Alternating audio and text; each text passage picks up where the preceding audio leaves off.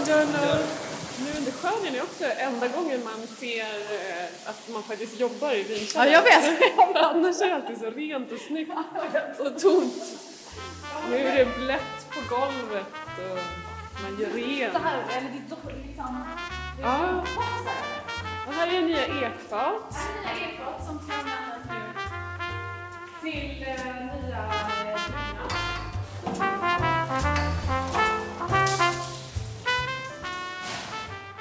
välkomna till Italienpodden med Åsa Johansson och Daniel Jonsson. Idag eh, så har jag åkt ut till min granne Sofia Rune som är på gården Tireno i Chianti Classico strax söder om Florens i Toscana.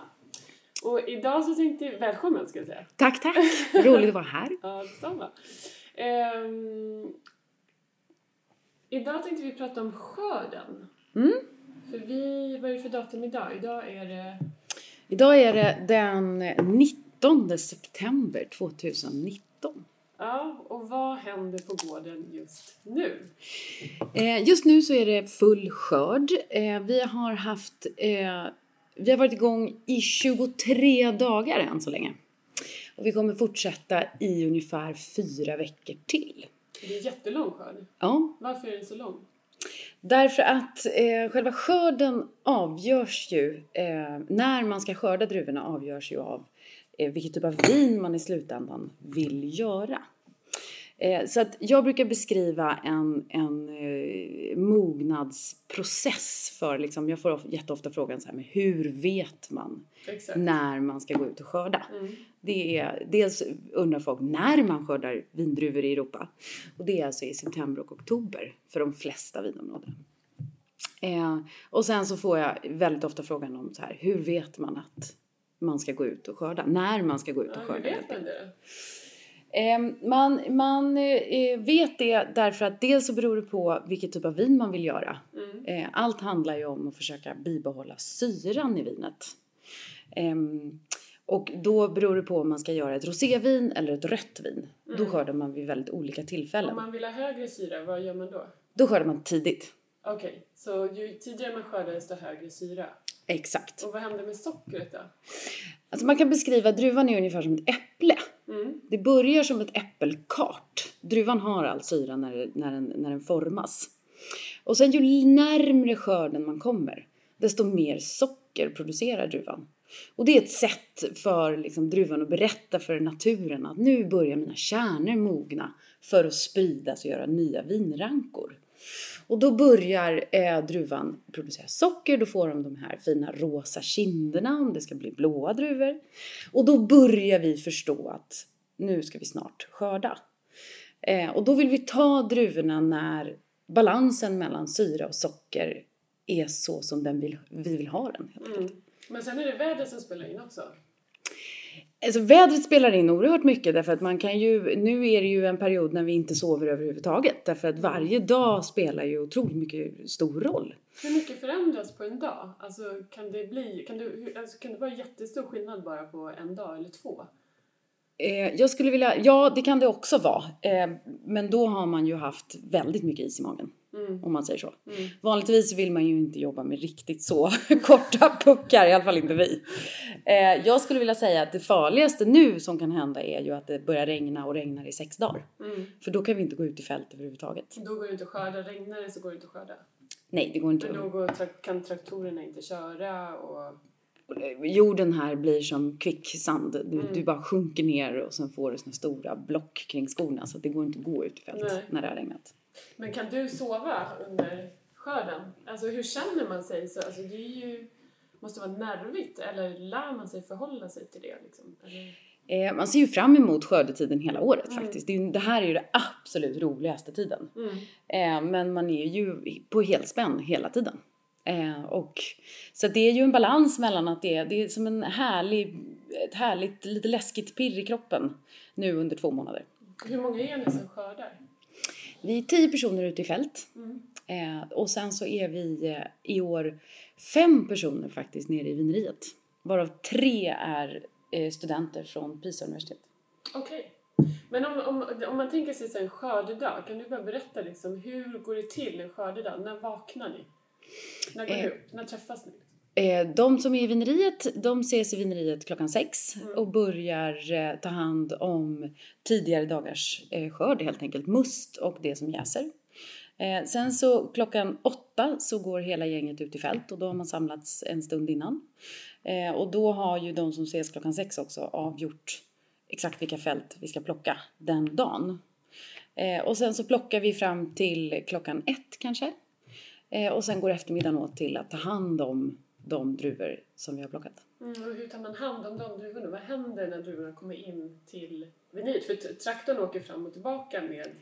Traktorn åker fram och tillbaka För och ni skördar för hand också, eller hur? vi skördar allt för hand. Ja. Så du har en sekatör och en korg. Mm. Och sen väljer du ut redan i fält, försöker du plocka bort det som är mögligt eller det som är skadat. Mm. Och det slänger du redan i fält. Eh, sen när druvorna kommer till vineriet så handlar det om att sortera ut allt grönt, det vill säga eventuella blad och stjälkarna. Och det gör man på ett stort sorteringsbord. Mm, För de vill man inte ha med i jäsningstanken för att de för med sig bittra Exakt. tanniner och bittra smaker. Ja, Det blir som om man bryter en gren på, på våren. Ja. Den typen av, det, det du doftar där är det som sen, den typen av toner kommer med in i vinerna. Mm. Och sen åker klaserna genom avstjälpningsmaskinen. Precis, så då åker de igenom avstjälpningsmaskinen och sen har vi ett sorteringsbord och där står fyra personer och för hand plockar bort allt grönt Mm. som avstjälpningsmaskinen inte klarar av att ta bort. Sen vill vi att våra druvor så hela som möjligt pumpas in i jäsningstankarna som är av rostfritt stål. Och varför är, de, varför är det viktigt att de är hela? För oss är det viktigt att vi inte eh, mekaniskt stampar för mycket på vinerna eller krossar dem utan att de ska vara så ostressade som möjligt när de åker in i jäsningstankarna. Mm. För går de sönder innan, då, då behöver man mer svavel sen i vinerna, Ja. eller hur? För att skydda det. Så Exakt. är man försiktig med dem så... Ju försiktigare man är desto bättre vin får man i, i slutändan Mm. och desto lättare är det att sätta igång jäsningen också. Mm.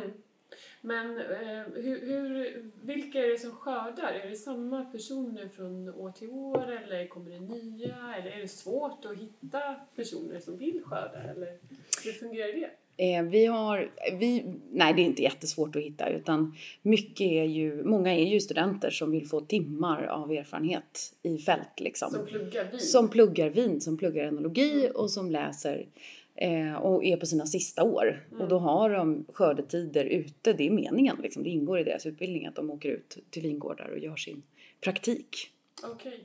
kan man säga. Men vad heter det? ehm, tidigare, eh, så, så, för inte särskilt många år sedan, men typ 30-40 år sedan så tänkte alla kvantitet. Man skulle liksom ha så mycket druvor som, som, som möjligt. Hur, har, har du någon erfarenhet av den liksom förändringen, att man har gått från kvantitet till kvalitet? Ja, alltså vi har ju några gubbar här på Treno som liksom har bott här sedan 70-talet i princip. Eh, de har ju varit lite svåra att lära om. För liksom tidigare år så, så, så handlade det ju om att ta så mycket som möjligt. Den som plockade flest kilon per dag vann. Så de har vi ju behövt liksom lära om till och nu gäller det att ta de bästa klasarna per dag.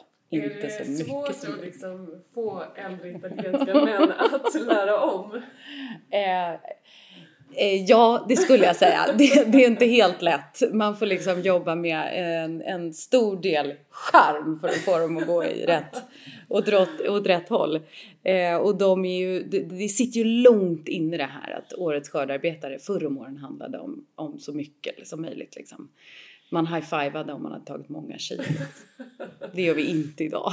Hur många kilo liksom plockar man? Om man tänker till er, om, om du har en, ni gör ju Chianti Classico bland annat. Om vi tänker en Chianti Classico och sen en Chianti Classico Reserva och sen ert eh, Ja, Sofia. ja, Sofia, ert toppvin skulle man Mm. kunna säga. Hur ser skördeuttagen ut för de tre vinerna? Alltså vi försöker ju redan i fält göra så att varje ranka inte har mer än ungefär två kilo per ranka. Och det varierar faktiskt inte särskilt mycket mellan Kent Classicon och Sofian.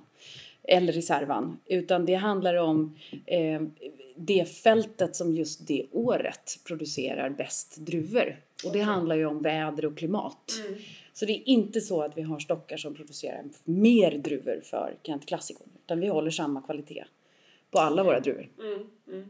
Men vädret avgör ju vilket fält som det året producerar bäst druvor helt enkelt. Mm. Och två kilo, man behöver ungefär ett kilo för, för att producera en flaska. Ja, Så det är ju två flaskor per, per ranka. per ranka. I en perfekt värld. Ja. Men det är ju inte så varje år. Mm.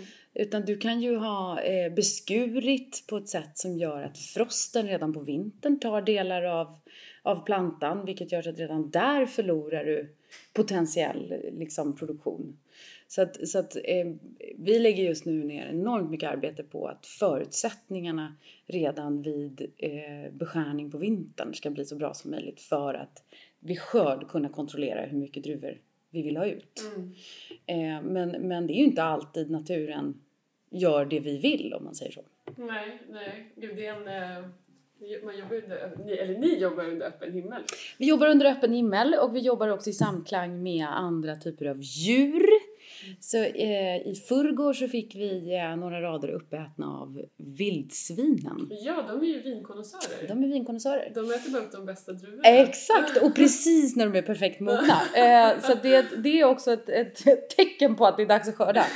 Eh, men då fick vi ju gå ut och ta det fältet eh, direkt. För att väl vildsvinen har lärt sig att här finns det mogna druvor, då kommer de tillbaka och äter upp resten av fältet. Mm. Så till de gäster som kommer och bor här på Tireno så vill ni att de ska äta vildsvin. Exakt, vi vill att de ska äta mycket vildsvin så att det är liksom... Vad är det mer för djur som ställer till problem? Rådjur, hjort? Eh, rådjur och hjort ställer till problem fast på våren. Okej. Eh, de äter upp när det är liksom skott. De ger, gör inte särskilt mycket skada just nu. Eh, nu är det, och sen på våren så är det ju också olika insekter som kan påverka bladen, som äter upp bladen.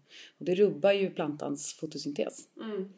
Eh, men just nu vid skördetid, då är det vildsvin och mögel som är det vi är mest rädda för. Mm. Om man tittar på årets skörd eh, innan vi avslutar. Hur, 2019. Jag vet att vi producenter inte tycker om att prata om Nej. liksom, årets vinskörd innan alla druvor är inne. Men fram tills nu kan vi säga. Hur har liksom året varit? Fram tills nu har året för oss varit bra. Eh, och då menar jag, när man säger att om året har varit ett bra vinår, så handlar det ju inte om huruvida vinerna i slutändan kommer bli goda. Utan det handlar ju om vad var förutsättningarna när man pratar om socker, syra och kärnans mognad för att kunna göra ett bra vin. Hittills för oss så har det varit ett bra år. Vi har inte haft särskilt mycket eh, skadeangrepp, det vill säga inte så mycket sjukdomar i form av mögel och annat. Eh, vilket vi är alltid glada för. Vi har fått en fin mognad nu i slutet med ett bra väder, stor temperaturskillnad mellan dag och natt. Eh, vilket ger härliga aromer i vinerna. Eh, så att vi har, vi har, förutsatt att det inte börjar regna för mycket så har vi eh, vad säger man, gott hopp eller vad man säger inför årets skörd. Härligt! Lycka till! tackar, tackar. Eh, och sen ska jag säga också att vi kommer, eller jag kommer åka Mm. hit en gång i månaden förhoppningsvis och, och se, få höra vad som händer på en vingård. Liksom hur året, vad som händer under året, månad efter månad. Så vi kommer träffa dig ganska ofta. Jätteroligt! Och har ni några frågor så fire away. Ja, Ska vi absolut. försöka... Eh, ni kan bena skicka ut till det? info.italienpodden.se så, kan vi, eh, så, så svarar vi jättegärna på era frågor. Tack så jättemycket Sofia. Tack så jättemycket. Ciao, ciao! Ciao!